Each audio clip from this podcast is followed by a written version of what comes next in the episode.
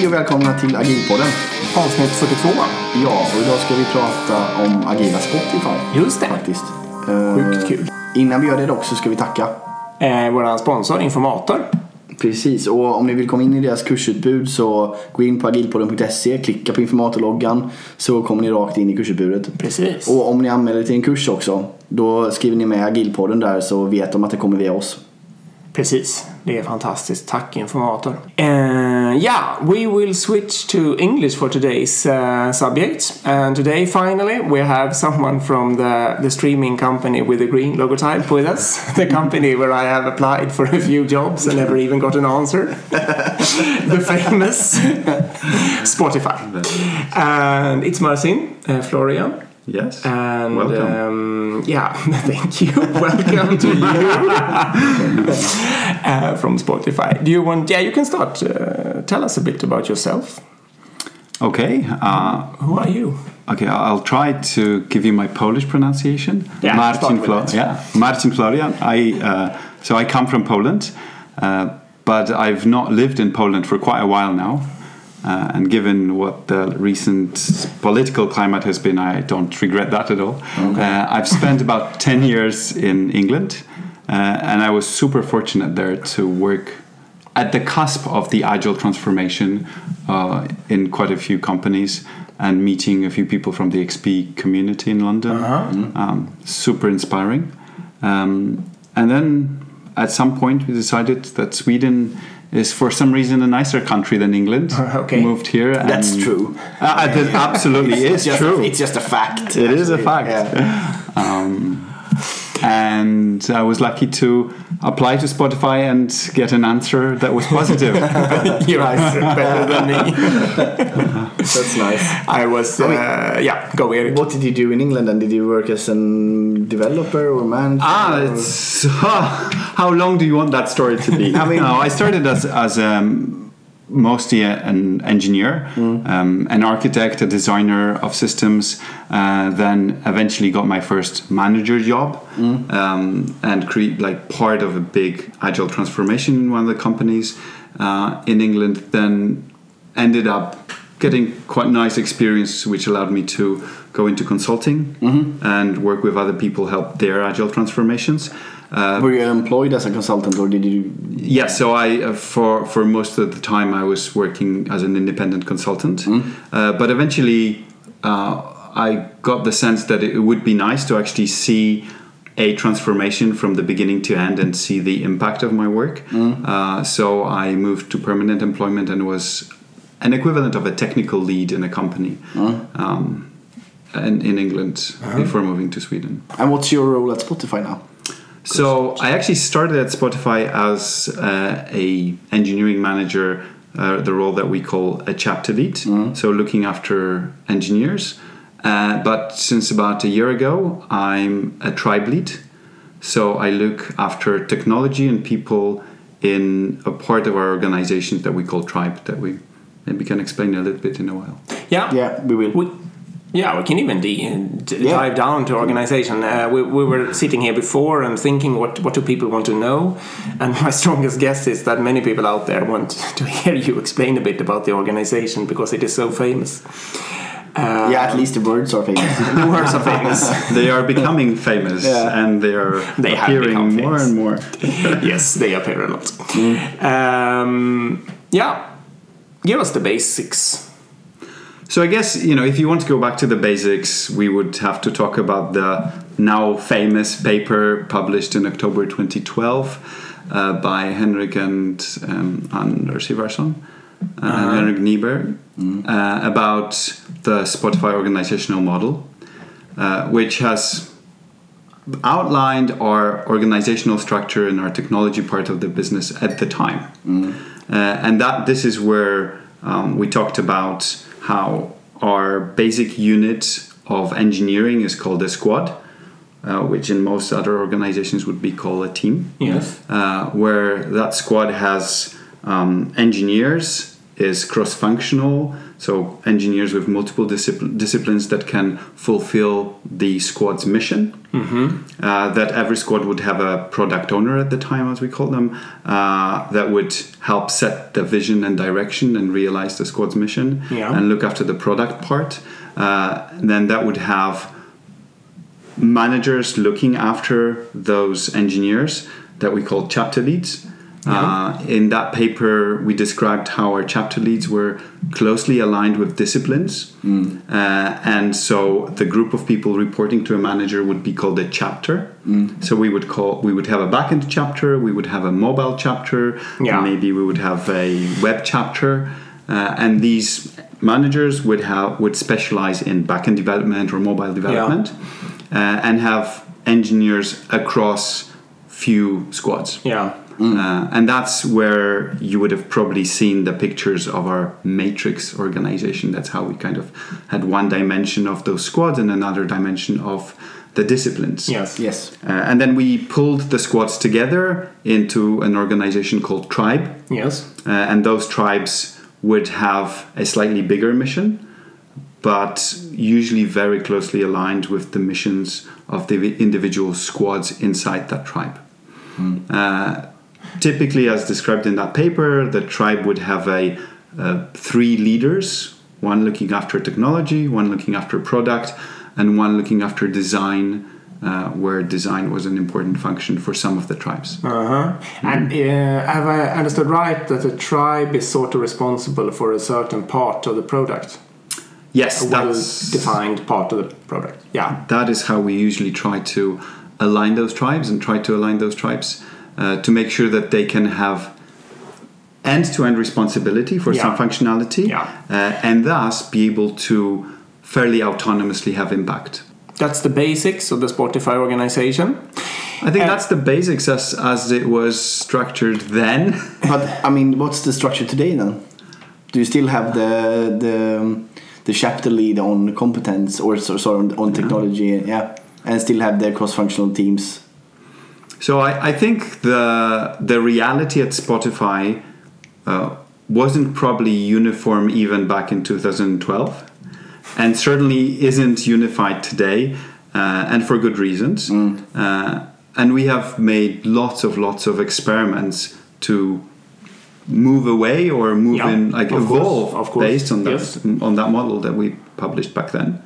Um, so I would say there are parts of the organization where we have moved very explicitly away from that strict alignment between your manager and your domain.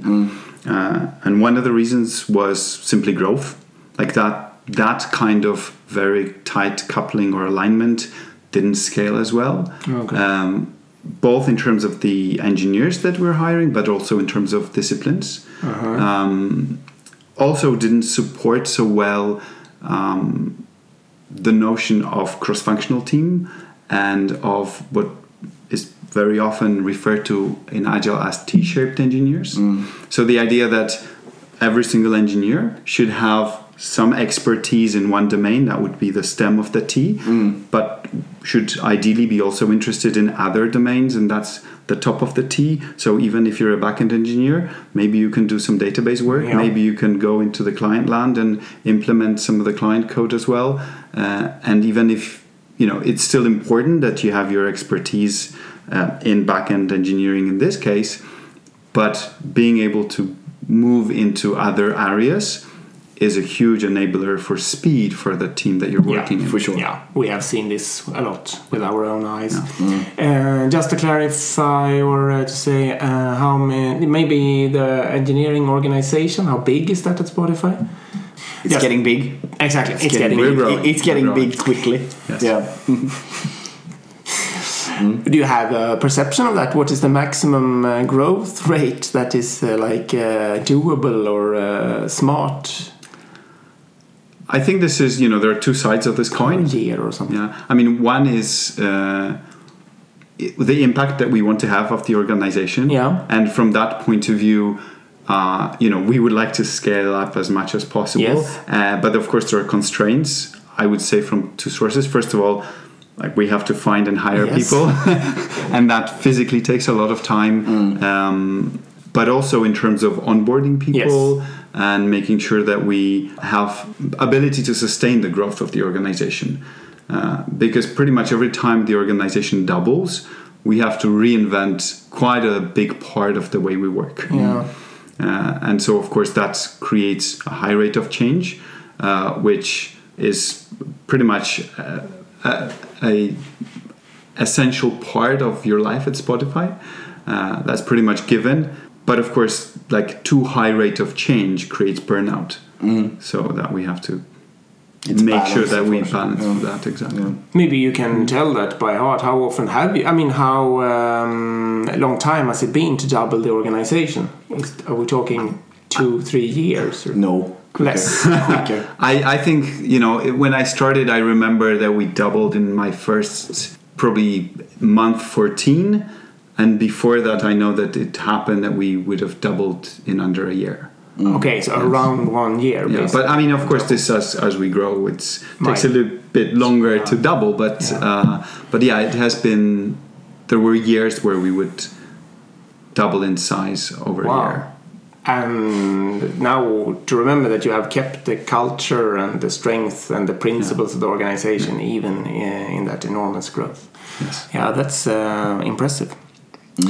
For sure. Uh, shall we touch upon this subject as well? Uh, is it a good idea now? I hear that you have a good uh, idea of uh, organization here, and uh, shall I copy that to my similar software company here?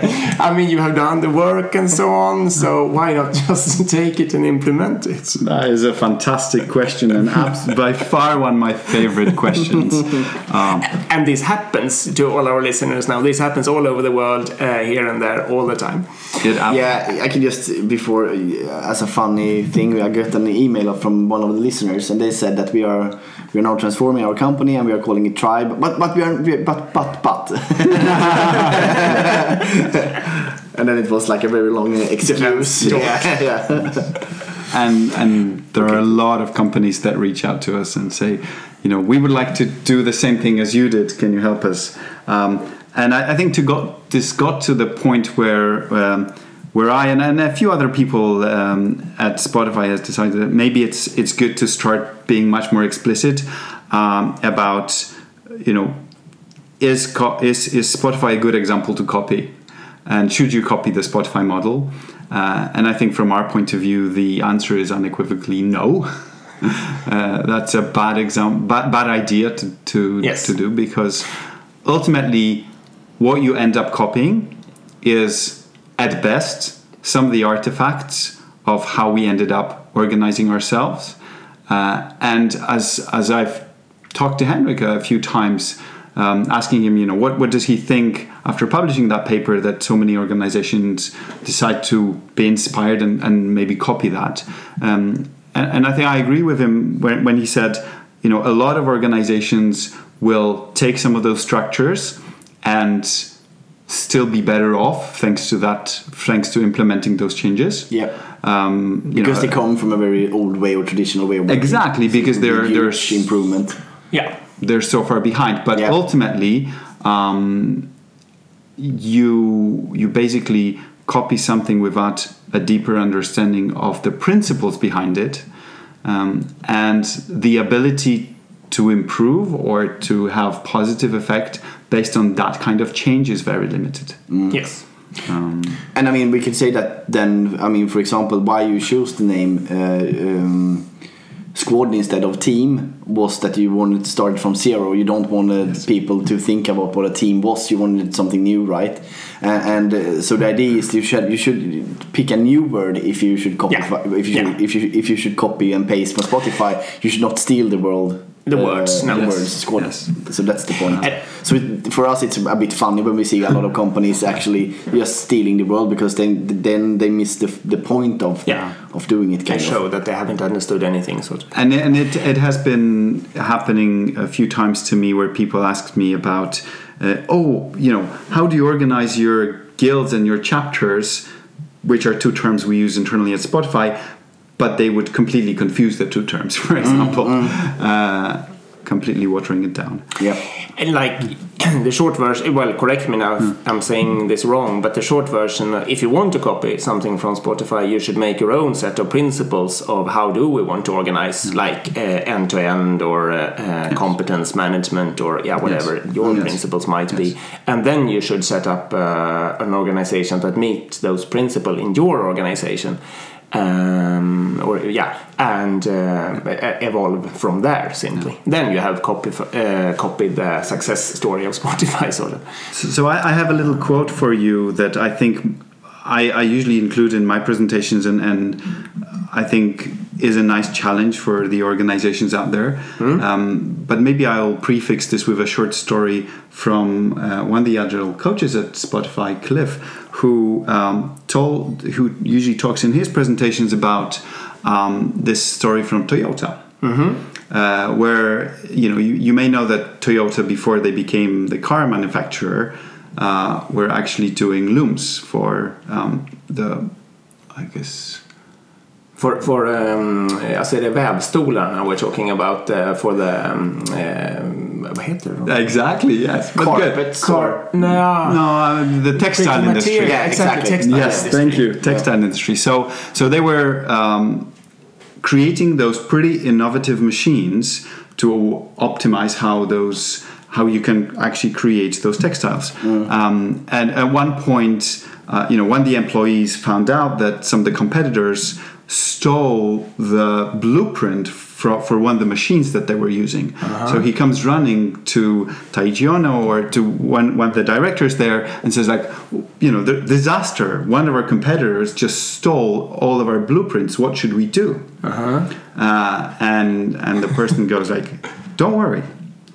Before they can read our blueprints implement the machine and get it work get it to work It's okay. we have advanced Yeah. so far that that machine will be obsolete from our point of view Uh, so you know that and, and I think that's that is also what uh, what I've seen with Spotify now we've moved on from that model because we couldn't have stayed at that point and and so if you you risk uh, copying the old machine that doesn't work so well anymore.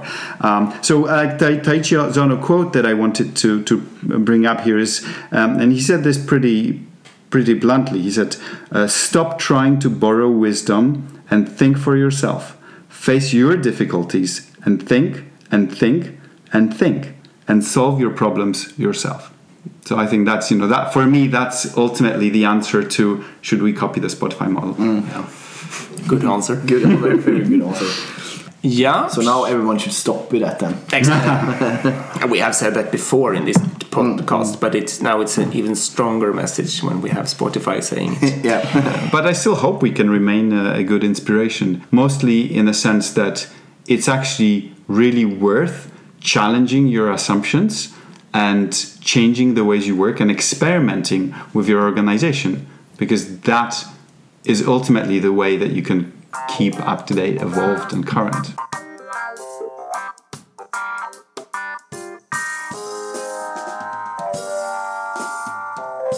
Shall we move on? yes. Um, psychological safety. You have done some work on. Ah, You want to go there? I mean, I can just start with, with the at least where I got the phrase from. Uh, is is reading uh, a study from Google whether I don't remember how many teams it was now they looked into and few then- hundreds, a few I think. hundreds, yeah, and and looking into uh, how what factors are making a team successful. I think was the case, and and the, and the, the, Yes. the winner or top one reason was what they call psychological safety or safety fail, or you can call it. They several call it psychological but safety. they call it. that. They found five different elements, uh, and one of them stood out as the most important, uh, utmost, most And I mean, really if, most if you want to read that, you can just Google it. It's, it's Yeah. easy to find. So, with that background, what have you done around psychological safety Mm. in your tribe? Yes, indeed. So the same study that you mentioned from Google has, of course, reached Spotify, and we've been looking at inspiration and thinking like, okay, if if this is something that Google found important, it's probably something that we also should look into Yeah. and consider. Um, and pretty much a year ago, um, the tribe, my tribe, went away for an offsite, as Uh-huh. you do every now and then, to get people together and get people out of the um, fixed set, you know, local mindset of what happens every day in the office, and and start to do some more blue sky thinking. Yeah. And one of the ideas we had during that offsite was that um, in order to develop, the tribe was fairly new at the time. Um, in order to develop and grow and become more mature and better, uh, we should set us uh, cre- create some sort of vision. Uh, and our agile coaches, uh, Morgan and Gitte, uh, helped us create a structure for that vision where we would have some sort of end goal uh, for the tribe, but that end goal would be supported by a bunch of pillars that we called aspirations. So we decided to have aspirations in four dimensions aspirations around how we work with people, how we work with technology, how we work with uh, delivery, and how we work with product. Yeah. Okay. Uh, so we picked those four pillars. We suggested some specific aspirations against each of those pillars. Um, and one of those aspirations in the people pillar was creating an environment of psychological safety. Yeah. Uh, I think we ended up having about 20 aspirations. We put those aspirations up during the offsite for everyone in the tribe to see, uh, all the people working with us, about 50 people. Uh, and people just walked around, read those aspirations, discussed them in small groups, um, and then we ended up asking everyone to vote Yeah. whether they uh, which of those aspirations they think are important, which of those aspirations uh, they think we should focus on uh, 1st Uh, we also gave people an interesting option to vote against some of the aspirations. So you, you had Okay. a little veto, like if there was something that you felt like I really don't agree with this aspiration. Uh, people were generous and ended up not using that so much. I think we ended up finding like identifying one uh, of the aspirations that people felt needs to be changed for them to feel comfortable. Uh, but because one of the aspirations in the people pillar was around psychological safety, Yeah. um, And that got a lot of votes. and that got a lot of votes, a little bit surprisingly for us. Uh, so, in, just in that offsite, we we're like, oh, why are people voting on this? Is this a problem? Uh, and it turned out that people felt that this was something they could relate to, but also there was something that they they kind of felt that maybe there is something here that we should improve, but they didn't really understand well. What what is this psychological safety about? Uh, so we decided to pick that aspiration as one of the um, goals to focus on in, in following quarters. Uh, and then we started with a bunch of say, awareness workshops. Okay. Um, and in those awareness workshops, we first said, like, okay, we have this topic of psychological safety, but we actually need to make this accessible to people, help people understand. Mm. There's actually a, a great TED talk that uh, you can probably share with your listeners later. Um, that is a great introduction to the topic of psychological safety. Uh, and we used different sources, uh, but I actually um, mention one of the ways in which pi- in which we pitched that psychological safety when we started introducing it to teams and raising awareness, uh, and that is uh, that psycholo- that we can define psycholo- psychological safety as not being afraid to be yourself, make mistakes, ask questions, take risks, raise problems, and disagree.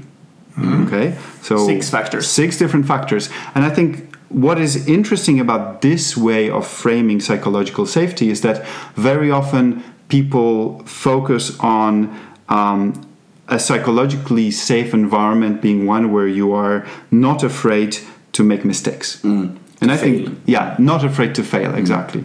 Uh, and I think that is super important. But when you uh, when you think about the other dimensions of, around asking questions or being yourself, Yeah. um, I think that was something that we felt was super important.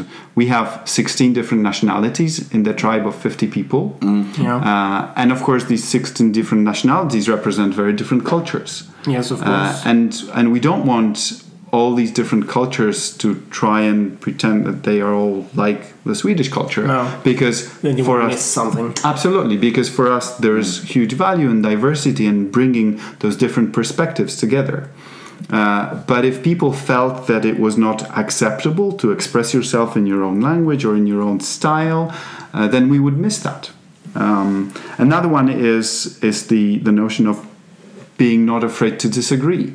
You know, even though uh, I have always said as a manager to to all, all the people that I work with, like, please, if you disagree with me, say so. Yes. But it turns no out one does it. Absolutely. I mean, it turns out that it's you, you can say this a lot, but Yes. that's very rarely enough. But Absolutely. it doesn't. Yes. It doesn't take you all the way. and and we realized that if we if we really continue working with the psychological safety um, then we can start digging into some of the factors behind like okay what is it that's stopping people from disagreeing Yes. Okay. So so then after the awareness workshops, uh, we actually used some of the materials that Google uh, published as well around um, assessment of the Okay. level of psychological You safety. exactly. level. So we basically put together a simple Google form. We sent out sent it out to everyone to uh, fill in anonymously, and we gathered some data. Did you do it on a squad level then, or? Uh, no, we sent it to everyone in the tribe, uh, and we didn't make distinctions Okay. between squads uh, because what was important was not to identify the individual problems in individual squads at that point, but more now that people understood what psychological safety was, uh, we wanted to see if there are any problems in our tribe, and if there are, what are they? Um, and around you know what dimensions, for example. So we sent out that survey, we gathered some data, and it turned out that things were looking pretty okay, but there were some clear areas for improvement. Um, and I actually don't kind of remember the detailed results of that survey at the moment, but um, there were at least two things we decided to as a fo- to do as a follow up. First one was we identified that um, feedback is something that we really need to work more on, and I'm sure this is you know the case in every single organization. Yes, I, probably, I'm, yeah. I'm yet to work at an organization where people don't say you know we want everyone to give and receive feedback. Uh, but very lots of organizations just assume that this is something that people are naturally skilled to do. Uh, you know, Or they are thinking that the manager doing it in one in one. In like every year you have a Ah, yeah. to follow Oh, up. That's favorite. yeah. Yes. Mm. So we, we looked at um, so we looked at two things basically: doing the uh, feedback workshop, but also um, following up with um, workshops with every single squad and the leadership team around you know now given the results and given a better understanding what are some of the things that you may want what are some of the concrete actions you want to take in your group be it a squad or the leadership team um, to take the psychological safety further to enhance it to make it better for everyone? Uh, and I think that like the outcome of those uh, action-focused workshops has been really inspiring, uh, and you know was for me a great example of what we often talk about as emergence in complex systems. That you know you create the right conditions for people to um, either create practices or build systems, and unexpected things emerge that are that you couldn't plan for Yeah. but are super beneficial. Yeah.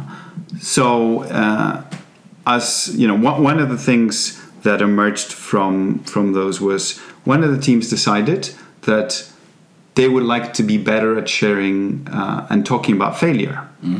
Uh, and I think we already are very good at um, sharing failure, talking about failure at Spotify when it comes to, for example, incidents. Uh, we have a very nice uh, postmortem process, which is very inclusive, which is blame free, and really gets at the um, you know root causes of, of the problems that we can address. Uh, but that felt to be pretty big scale. Whereas that team felt that maybe something more focused, uh, smaller, would be helpful. Uh, so they decided that they will collect uh, small failures of every day in on their Kanban board. They actually added an extra column for for the failures to Okay. remember, and then they reviewed them. Uh, I think every week, Uh-huh. uh, and said, "Oh, okay, these are the things that went wrong this week. What can we learn from them? You know, what are the inspirations?" Uh, but also, it made people much more comfortable in expressing, talking about failures, talking about what what didn't go so well. Yeah, because you actually give them a stage where you can talk about them. Yeah. Absolutely. Yeah. And like, what kind of things would appear? I mean, would it be like Tiny Wine? Like, I copied the the uh, test database instead of the uh, production database, or I mean, is it like So one one that I kind of failure? Yeah, I mean, there were little things like uh, when you invite people for fika, don't forget to order cake. Okay, so even even things like Absolutely, that. Okay. tiny things. Or you know, when when you invite people from two locations, make sure to book rooms in both locations. Okay. Um, so Uh, so even uh, really, really tiny. Yeah, absolutely. that. yeah, tiny things. Or um, yeah, these these are the two, the specific ones I remember. Uh, but that was the, the whole point about saying, um, yeah, what the small things also matter, and they make us more comfortable with talking about failure. Interesting. because I guess the uh, I mean it's not the things that you maybe talk about about in that Kanban board that is making the difference. Then I mean then it it opens up the climate to be able Yeah. to actually talk about these things. So when it's really important, when Yes. you actually see bad code or something, then you actually ha- can actually Yeah. address it because you're used to that. The culture becomes even higher, sort of. Yes. Absolutely. And I'm glad you actually mentioned um, bad code or problems with the code because that was one of the actions that came from another team, uh, which I found really inspiring. So they sat down together and thought about, you know, we feel fairly safe talking about many things, challenging our product vision, uh, you know, looking at how our ways of working are good or bad, our retrospectives are, are working well. But one challenge that we see is that people are not as forthcoming with feedback on pull requests. So, you're probably familiar with the practice of doing pull requests and doing code reviews against those pull requests.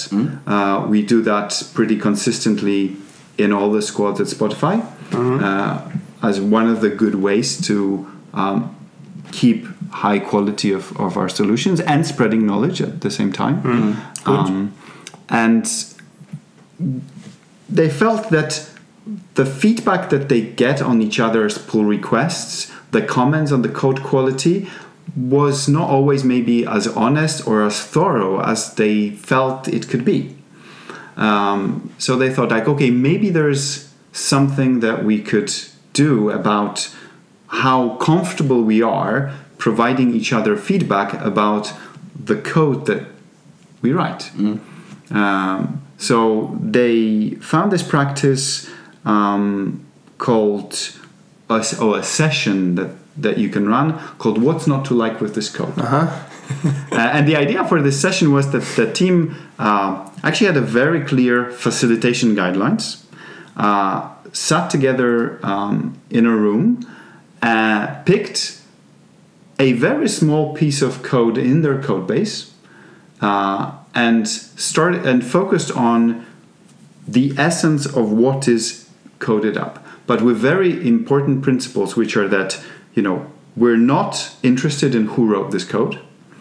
Uh, we're not interested in why they did that. We are only talking about the code and what we personally don't like about the code. Okay.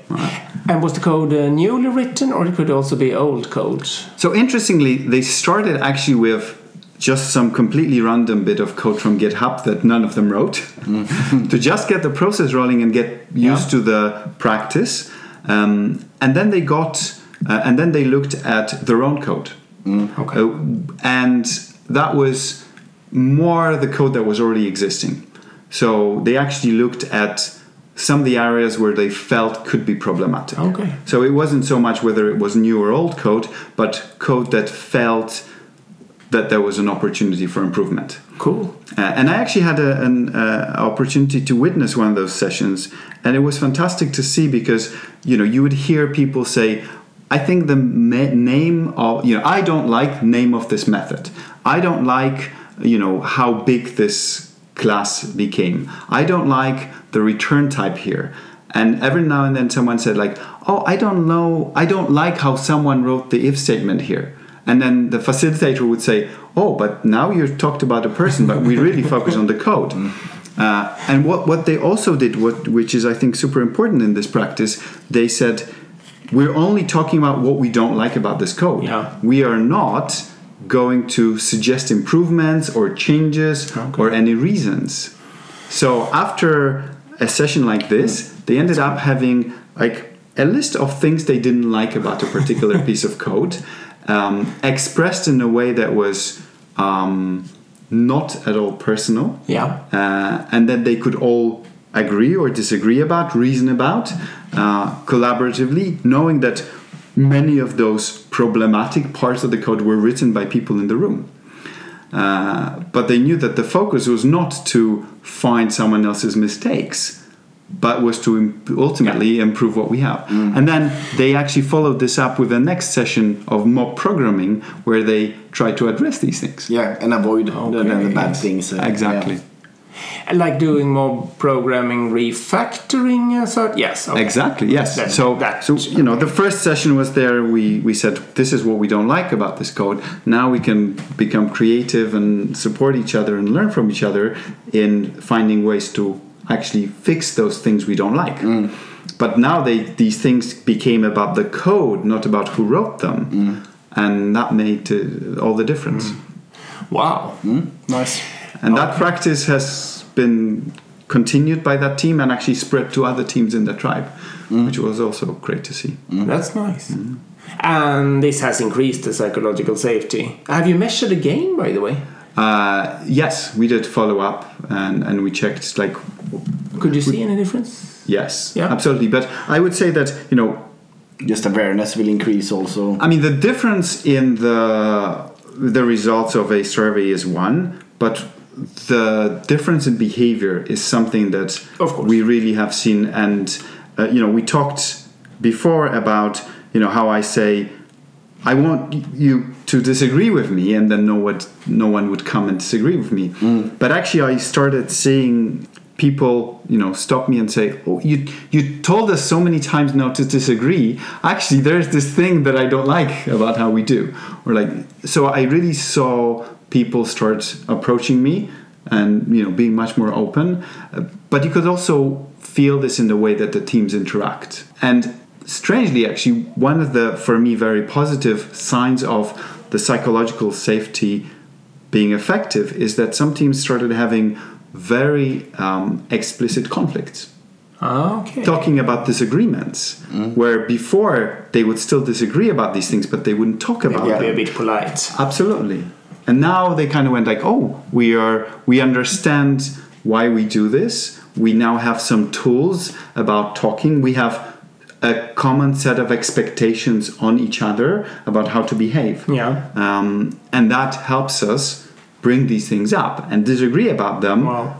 focusing on the essence of the problem rather than you know, oh, w- will I hurt someone's feelings if I say that I don't uh, like their idea?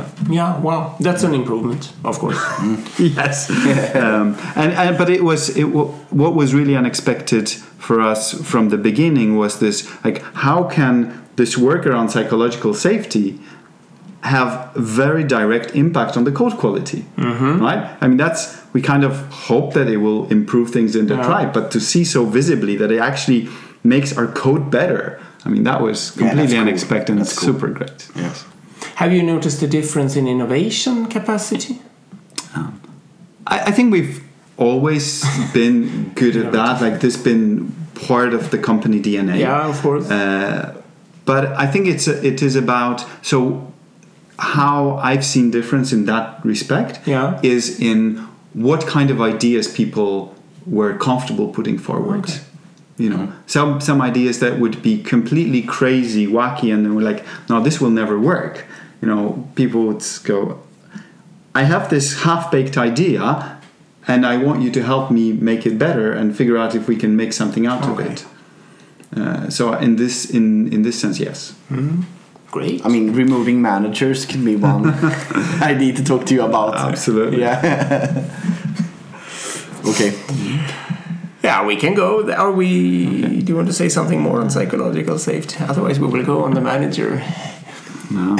Yeah, it's maybe it's Yeah. Because when we were preparing this before, I was thinking like, what what do I see at Spotify? And one thing that clearly comes up to me is like, are you intent because you have a um, management structure in like four levels or something like that, hierarchical, classical in a way, not classical in many ways, of course, as well. But and my question is like, have you challenged this? Are you going to go teal? Are you going to keep the management structure? Um, I would say that you know the, the it's interesting that you say you know like a kind of traditional hierarchy. Um, I always said Spotify is hierarchical, absolutely, and some people are, are surprised by this. Uh, but I think the way I have always seen this hierarchy and the way a lot of people see the hierarchy is from the perspective of servant leadership. yeah. So you know, I really Of like course. this notion of flipping the tree.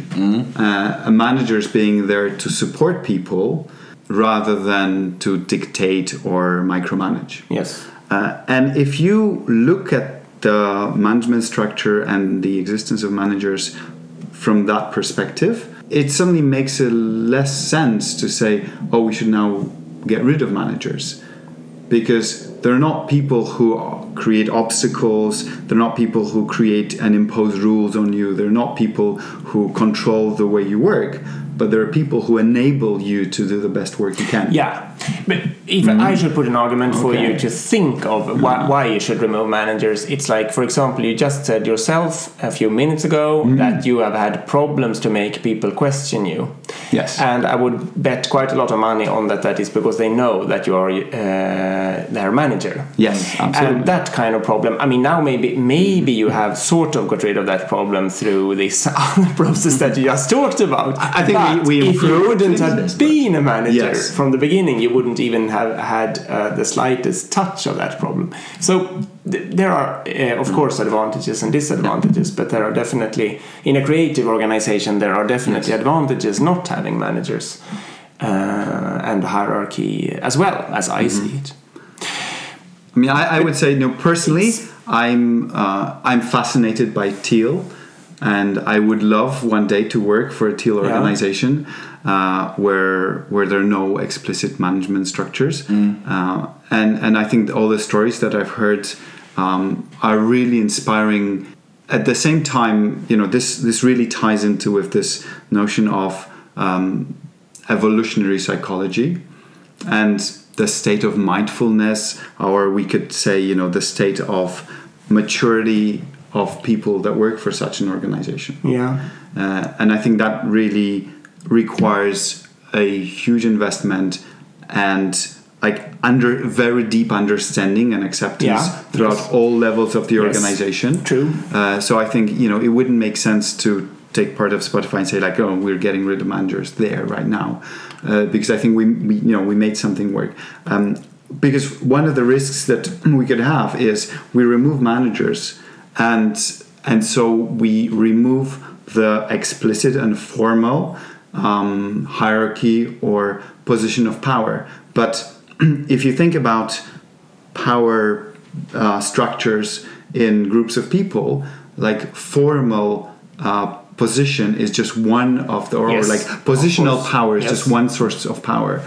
And and unfortunately, very often when you try to just throw away the managers, um, other sources of power emerge and take Yes. over and ultimately provide the same constraints or Yes. problems. Ca- yes, definitely. Um, That's that's true, and, I- and I think. Uh, uh, I mean, having the management level, I think that's the best that we have today. Yes. But we all know that probably it's not the what we will have in the future. exactly. I, I really hope so. Yeah, we will find a better way to steer companies. Yes, absolutely. Yeah. Um, you mentioned mob. Do you do a lot of mob programming?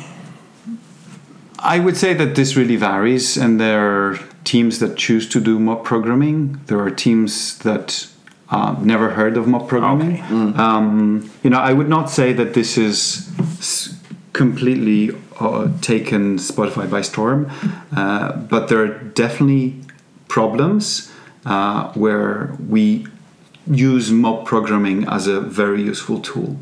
Yeah.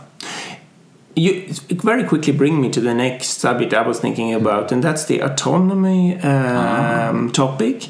Because Our yeah, but I mean, like you just yeah, is it? Absolutely, No, because you said like yeah, that um, uh, it's up to the team if they want to mob or not, and some maybe haven't even heard about mob programming. So, what's like the Spotify take on how autonomous should the team be? How autonomous should a tribe be? Mm. Um, out of the different aspects. Yeah, we- because yeah, my interpretation is um, we talked a bit about it before that um, one tribe is um, you try to form them around a certain part of the product Yes, Yeah. I think that's fair to say. and to make it with a clear uh, boundaries as clear as possible and as high level of autonomy as possible probably yes And end to end. and end-to-end responsibility. Responsibility, yeah. Yes. Yeah. Uh, so where, where does that bring you? Sort of, are, are you free to choose whatever tools and technology that you want within the tribe and the team? Um, I think we can't confuse autonomy with anarchy. No. Good, and good and point. so um, in, in this context, autonomy for us is important because it, it manifests itself in people who are closest to the work making the important decisions about the work, Yes. having the freedom to choose. Uh, but at Spotify, we talk about um, not just autonomy, but the notion of aligned autonomy that autonomy only works well if it allows people to make their own local decisions that ultimately take the company in the same direction. yes. Okay. There has to be a vision, for example. Absolutely. Yeah, and So- everyone has to know it. There has to be vision, but there also has to be a set of constraints Yes. because otherwise we would spend you know an enormous amount of time and effort exploring all possible options and not really benefiting from um, the scale we have for Yeah. example and the fact that lots of the problems that exist have already been solved elsewhere and we shouldn't just re uh, you know in our autonomous local context uh, reinvent the same Yes. solution right?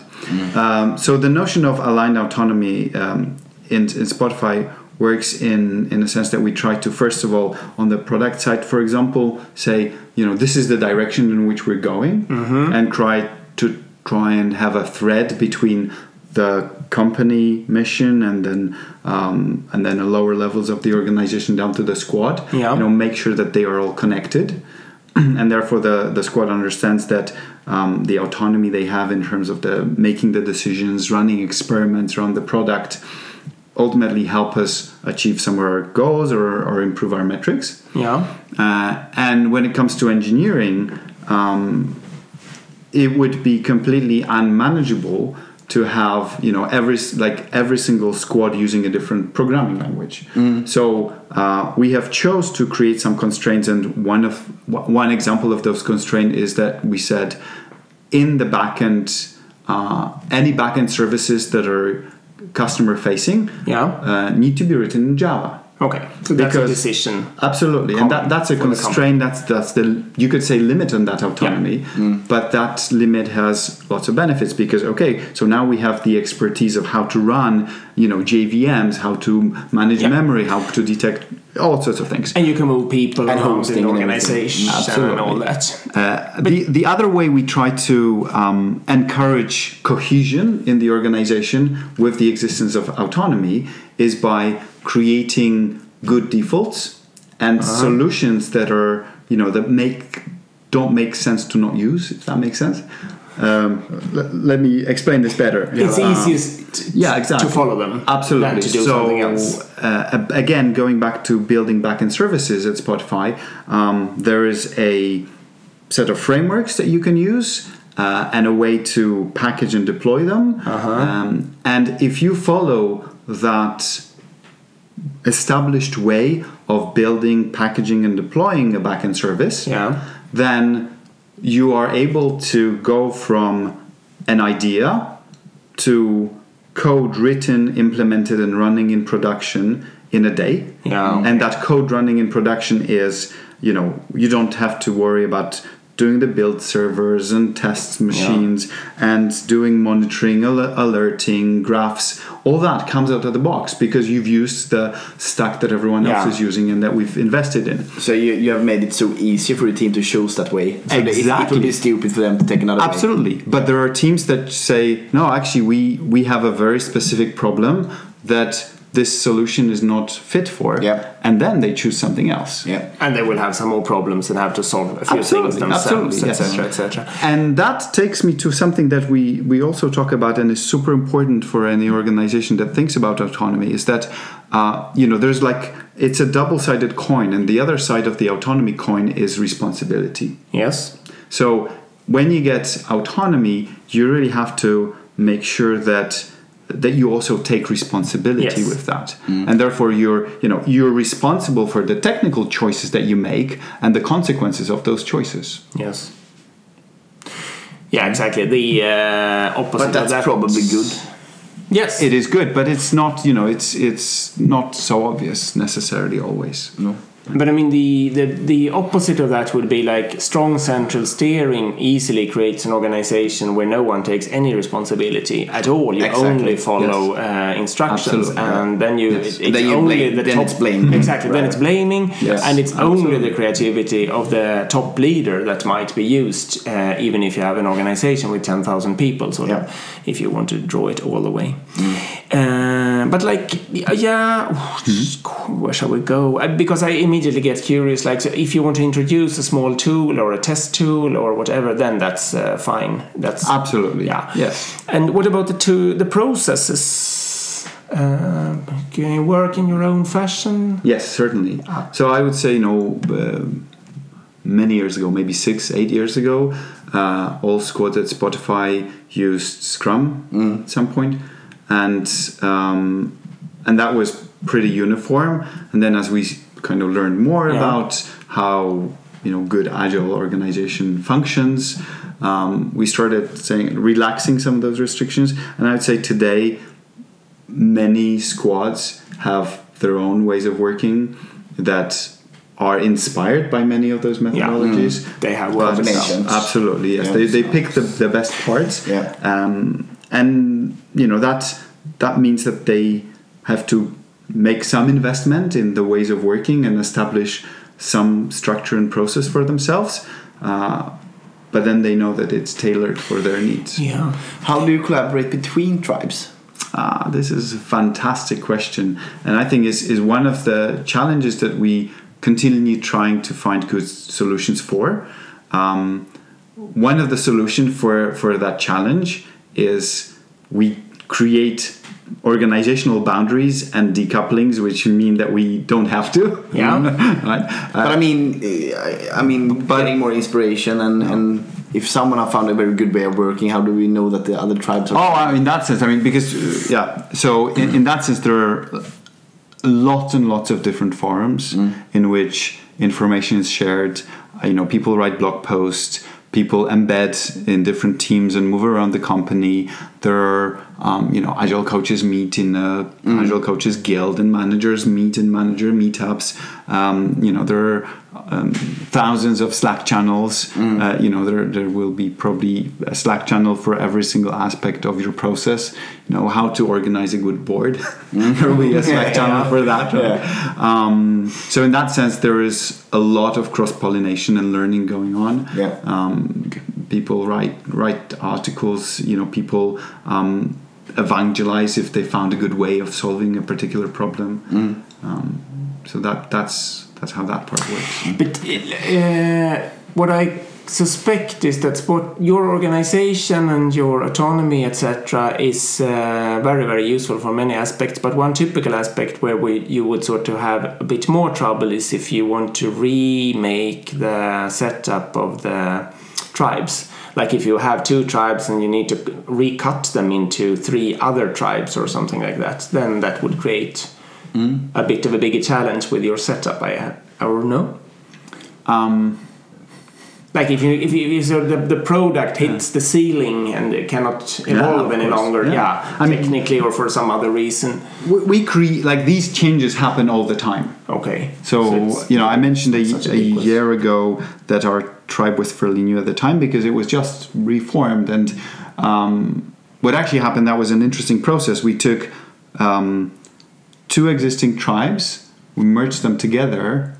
Um, then we had like this joint organization for a while Yeah. um, and then we allowed people to like co- collaborate more closely a little bit move around and then very quickly it appeared that actually those organizations are actually three different tribes Okay. in disguise and we split them into three separate tribes So you actually did uh, exactly the example that I well maybe it was the other way around, but very very close to the, my theoretical example. and then and then those three new tribes have squads you know some of them remained un, relatively unchanged through that whole process. Some of them were completely formed new. Um, and then those teams would say okay now we're a you know, new bunch of people. Everyone brings some of their experience. Okay, let's talk about our ways of working. And people are that works because people uh, have an open mind and are used to change and, and yeah. etc. So that I mean the the way we talk about this at Spotify is uh, we talk a lot about the growth mindset, and that's something that we optimize for when uh, we help people improve, but also when we hire people. okay. You know, as you say, like a growth mindset. So this idea that whatever you do today, you can get better at tomorrow. Okay. Um, is is something that really helps us Yeah. with, for example, going through these changes. that you call growth mindset. Yeah, Yeah. that's good thinking. Uh, I just want to say that, yeah, sorry, uh, uh, this question about the technology choice that was actually from a listener. So thank you for sending that in. And another very similar question was, uh, do you use a ticketing system? Also, th- this question comes from a listener, uh, like Jira or something like that. Uh, we absolutely use ticketing system. We use many ticketing systems. uh, Jira is one of them, absolutely. Okay. But uh, you know, I've seen Trello used. I've seen LeanKit used. I've seen a lot of physical walls used. Um, I say we we have you know some of those uh, re- require collaboration. So a good example would be we we have a ticketing system for RFCs, technical RFCs that, Uh-huh. that people write. Yeah. Um, you know, RFC is a big um, mechanism for socializing and improving ideas for technical changes, Uh-huh. and we adopted them to organizational changes as well.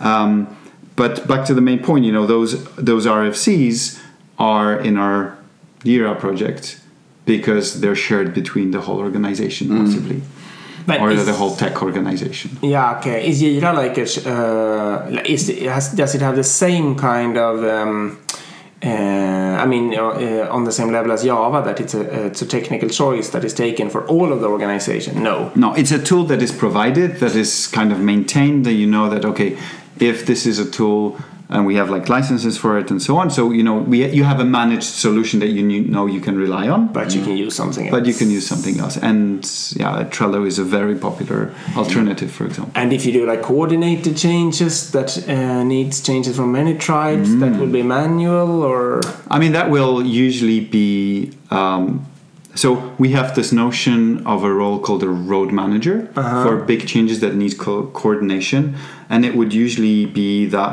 you know one of the important parts of that road manager's job would be to coordinate the work and make sure that every single team ends up with understanding what are their Yeah. requirements and capturing them in, in this in the system that they um, yeah that they're familiar with. manual cooperative Yeah. work, sort of.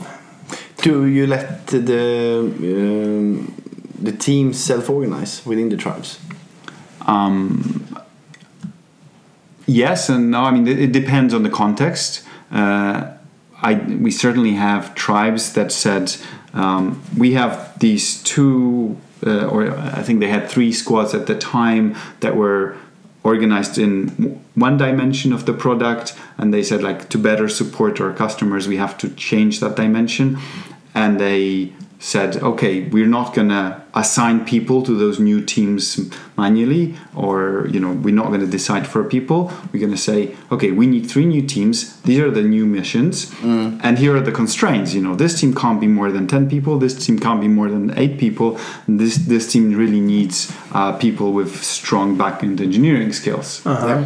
Uh, and that was, you know, always for the managers looking at that was like, okay, what's going to happen here? Everyone's going to be in this fancy one team that does, you know, the shiny UI Yeah. things, and, and no one else want, will, no one will want to work for the other the, teams. that's never the case. But in practice, that does not happen because people are responsible. You know, when you Yeah. prov- give them that freedom, they understand that Yeah. the you know the outcome for the organization, for the tribe in that case, is important. You know, they feel vested, so they will I mean- find a solution that works for everyone. if that's not the case, then you have a problem, I would say. Absolutely. So, Yes. so then it's good to know that. So you should try anyway. Uh, yes. Yeah, because then you can deal with the greater problem that, Exactly. that you have anyway. exactly. Okay, cool. True. Uh, you touched on this with the technical enablers. Um, How do you build? Uh, can you, do if you check in code, does it go shoof shoof and then it's in production? or what's, Um, how far have you got?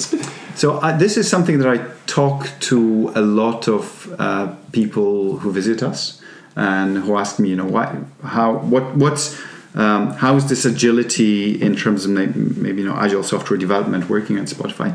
And um, I very often say that one of the things that are maybe undervalued or overlooked is that the investment that we've made in the infrastructure uh, at the, on the technical side. Yeah. So we have a, a big organization in technology that sole purpose is to be enabler for the rest of the tech- technical Okay. organizations that they um, explicitly and deliberately build and improve tools for other teams to use uh, with the, with their mission being you know to enable uh, fast iterations at scale safely Uh huh. and, I was, and then the practical examples of what that those teams Yeah. build would be, you know, uh, okay, here is a managed um, CI solution. yeah. Um, so if you need to build your backend service, um, you don't have to uh, configure and deploy your own Jenkins machine. Uh, you can just build a YAML file that says this is my build configuration, and you can customize it probably in Groovy or some other language, uh, or you know with a simple script and say these are the steps that my service needs to go through, and then you check the code in and a machine from the farm picks up your changes builds them and provides you with a report and out, output of the build and then you know okay the test passed all is green and here's here's your usually a docker image ready to be deployed or even deployed into production already or you know here are the tests that failed. And you don't have to think worry maintain upgrade all those machines with Jenkins running on them, um, or, or the language to build the custom steps, because that's taken care for. I mean, in, in percentage then of your organization, how much people are working with this enablement? So I actually don't know what it is But- today, but I think I, you know, I it, it was not far off forty percent. Yeah, I can so imagine. that that is a So, okay, significant investment, uh, which which we have, you know, done consistently over years. Um, which which meant that's you know the scenario that I talked about before, where you you know have an idea in the morning and code running in production in the afternoon is reality. Yeah, and would not be possible if they if they. Absolutely. So and and and, the, and I think that's really cool. And I think one of the biggest problem that a lot of companies are thinking in this is that they are uh, so eager to get out the business value. Hmm. So and I mean the, the the enablement team in this case they're not creating business value in that sense, especially for a startup. Yeah. So I mean to be able to build that from the beginning, it, it It's, It's a brave. strength. Yeah. But I, I have to say, I mean, you have to take this a little bit in context. You know, ten years ago, um, the the technical landscape looked very differently. I think you know the the startups of today have I don't know Circle CI and hundreds of other like cloud solutions Yeah. that Yeah. allows you to go quite true. far with with that approach. Um, that that wasn't un- unfortunately there for us when we started. Um, Are But- you but- are you using several cloud uh, uh, providers, or is it like Java No. for backend services that you decided for Google or Yes. yeah? Yeah, yeah. We we have uh, chose to go with Google and, and use the Google Cloud solutions. Because I guess for some teams, Azure would have been actually better if they're doing .NET. I mean, Yeah, if they were doing .NET, Yeah. which they're not. But uh, you don't have .NET at all. At, no, no, we don't write any .NET code. Okay. Uh, so everything is in Java and, and kind of usually JVM Yeah. uh, related solutions. Okay. I have to rethink here because I am normally again because uh, it comes a lot of suggestions all the time that we should build up this uh, automation capability on the side of the development sort of Yeah. which you have then successfully done and I'm always against it because I, th- I my idea has been that, that it's the people that work with the code that also have to automate. But maybe I'm wrong there. Maybe I have to go for more resources uh, making it possible for uh, to get things into production very smooth and quick I think that you know it's a question of scale to some Ex- extent. exactly. I would just say it's the scaling problem because Yes. I mean we have uh, more freely choice. We we have both .NET, Java. I mean Okay. all everything. Yeah. And and uh, and that's the problem kind of. Now we are moving also into clouds. We are going for AWS in that sense, but. Um, uh, I think if, if we still have that many technical choices, then the, you wouldn't have the benefit of actually building that because it will only be for one part or one small part. I mean, here you have the when you build Yeah. this, everyone benefits from it, kind of, or not everyone, but like ninety percent or so, I guess. I mean, it's definitely the case of you know in, in here the benefit uh, like uh, the the Yeah, benefits course. of scale, right? Yeah. Scale. of course but probably I would benefit more than I. I mean, we would benefit Especially more if from we team up. automation and uh, a continuous integration compared to how far we have got today. And I think you you know there is uh, because I, I heard something in what you mentioned which which maybe I will just comment on a little bit. Uh, it's not that the teams suddenly you know are no longer responsible for taking something into production.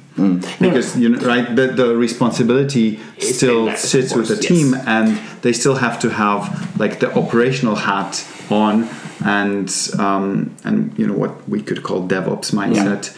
Um, so you're still operating your service and you're ultimately responsible for it being releasable Yes. and and maintained in production. And if something goes wrong in production and you know and the provided solution is down today well then you try and do a manual deploy because that's or or help Yeah. people fix it right Yeah. Yeah. Do we have energy for one more? Recruitment. I have always been living in the tr- uh, thinking that Spotify is self-recruiting, sort of that you don't have to do anything. but maybe I actually listened to a podcast where your? HR manager, I don't remember her name, Katarina Berg, Kat- Oh, okay, yeah. like that, yeah. Uh, and I think she said that you got, I don't remember now, like five or six hundred uh, applications each day, and that you employ Yes. like three hundred or four hundred a month. That's the pace you have. yes I think it's like five old, five months old. The, the interview with her. yeah, something like that. but still. yeah that i recognize those numbers Yeah, so absolutely it's a big machine. Yes. but Yes. also one interesting thing is that you are, uh, I mean, uh, you're doing all recruitments through the recruitment center, kind of, or? Yes. Yeah. Yeah. We have decided to build out our own um, talent acquisition teams, um, and they are the ones responsible and, and driving the recruitment efforts. So the development teams does not have to work with recruitment, for example, really. Um, well, well, no, quite the opposite. I mean, we wouldn't be able to recruit those many people if if the engineers and development teams weren't actually part of the recruitment process. Uh, for example, running the interviews. Um, okay, so they run the interviews. Absolutely, yes. The first interviews. Uh, I mean, so the, w- Yeah, we have a us, you fairly, do it? Who does fairly uh, elaborate process, and it di- varies between different roles. Of course. But I think for backend engineering, again, I, I uh, and it changes all the time. So my understanding of it may be a little bit old now. That's okay. Um, is that um, well? Of course, first we, we try to find the candidates, and as I say, you know, there are people who apply. Um, there are people we're trying to source. So we reach out to people, and then from among those candidates, we try to find the ones that we should engage with and do some sort of initial screening. Then it's usually the the talent acquisition team that does the first contact with the candidate and establish some sort of you know kind of basic expectations, basic understanding of people's backgrounds, uh, people's readiness to move countries, you know, or or not. Yeah. Um, and then usually um, that that person works very closely with uh, a hiring manager. Okay. So for every single position that we want to hire someone, there is someone who's designated as a Okay. hiring manager. Yep. And and ultimately that's the person that will at the end of the process make the final hire no hire decision. Okay. So once the TA kind of found, identified some candidates and sc- did the initial screening, uh, the hiring managers go, okay, this person looks interesting. Let let me do the video interview with them. Or that person does looks interesting. Let do the video interview with them. Uh, that would usually be the the initial phase, and then based on the result of that video screening, we would do maybe a technical screening, uh, still video interview um, with a couple of engineers usually. Okay, then you bring them Okay, and now we understand. Okay, this is a person who seems to be a good cultural fit, and you know, I've, I've mentioned this this notion of growth mindset. That's one of the things that we try to look for Yeah, in, the in the candidates and general cultural um, compatibility. Um, I'd say we're very careful not to. Well, careful, deliberately not talk about cultural fit, as many organizational organized or sorry organizations say you know we're looking for a good cultural fit uh, because we're really interested in diversity um, so what we talk about is cultural add so will this person thrive in our culture and be able to add, Add bring something. something new to it um, so these are like the, some of the uh, aspects that we look at and then okay we have a candidate that looks promising technically and is has the right mindset um, and then we bring them in for maybe you know four or five interviews on site it's usually a day where you get a chance to uh, usually also meet with people you might be working with Okay, visit the team, sort of. yeah. Yes, yeah. So it's usually lunch with the team, uh, and sometimes you know it's two or two teams hosting that interview. Okay. So we might meet some different people, um, and then after that we kind of get all the feedback together, look at it, make a decision, and it's always the hiring manager's decision at the end whether to hire a person or not. And sometimes we'll say, okay, this person isn't really fit for, for my specific role, but they might be a good fit for somewhere else in Spotify. And then the other managers who hire for similar competency will, Takes will be able to go like follow up and Yeah. uh, take over. Yeah. Mm. But it's uh, it's a big investment. Uh, it takes time, but we also try to make that a priority uh, to to make sure that you know engineers also like learn how to be good interviewers. That's also a skill that they have to learn. We do training actually on you know how do you, for example, where make sure that you eliminate biases uh, in as much as possible in the hiring process. You know, how do we create awareness in engineers to say, okay, you know, some some of the uh, these are some of the biases you should be aware of, and here are some of the ways that you can try and counteract this. Do you work with uh, anonymization of uh, applications and stuff like that? Yeah. yeah, we've, we've done run lots of experiments around that as well. Absolutely. Okay, but you don't do it on uh, all uh, applications always, no? no. Okay. Very interesting.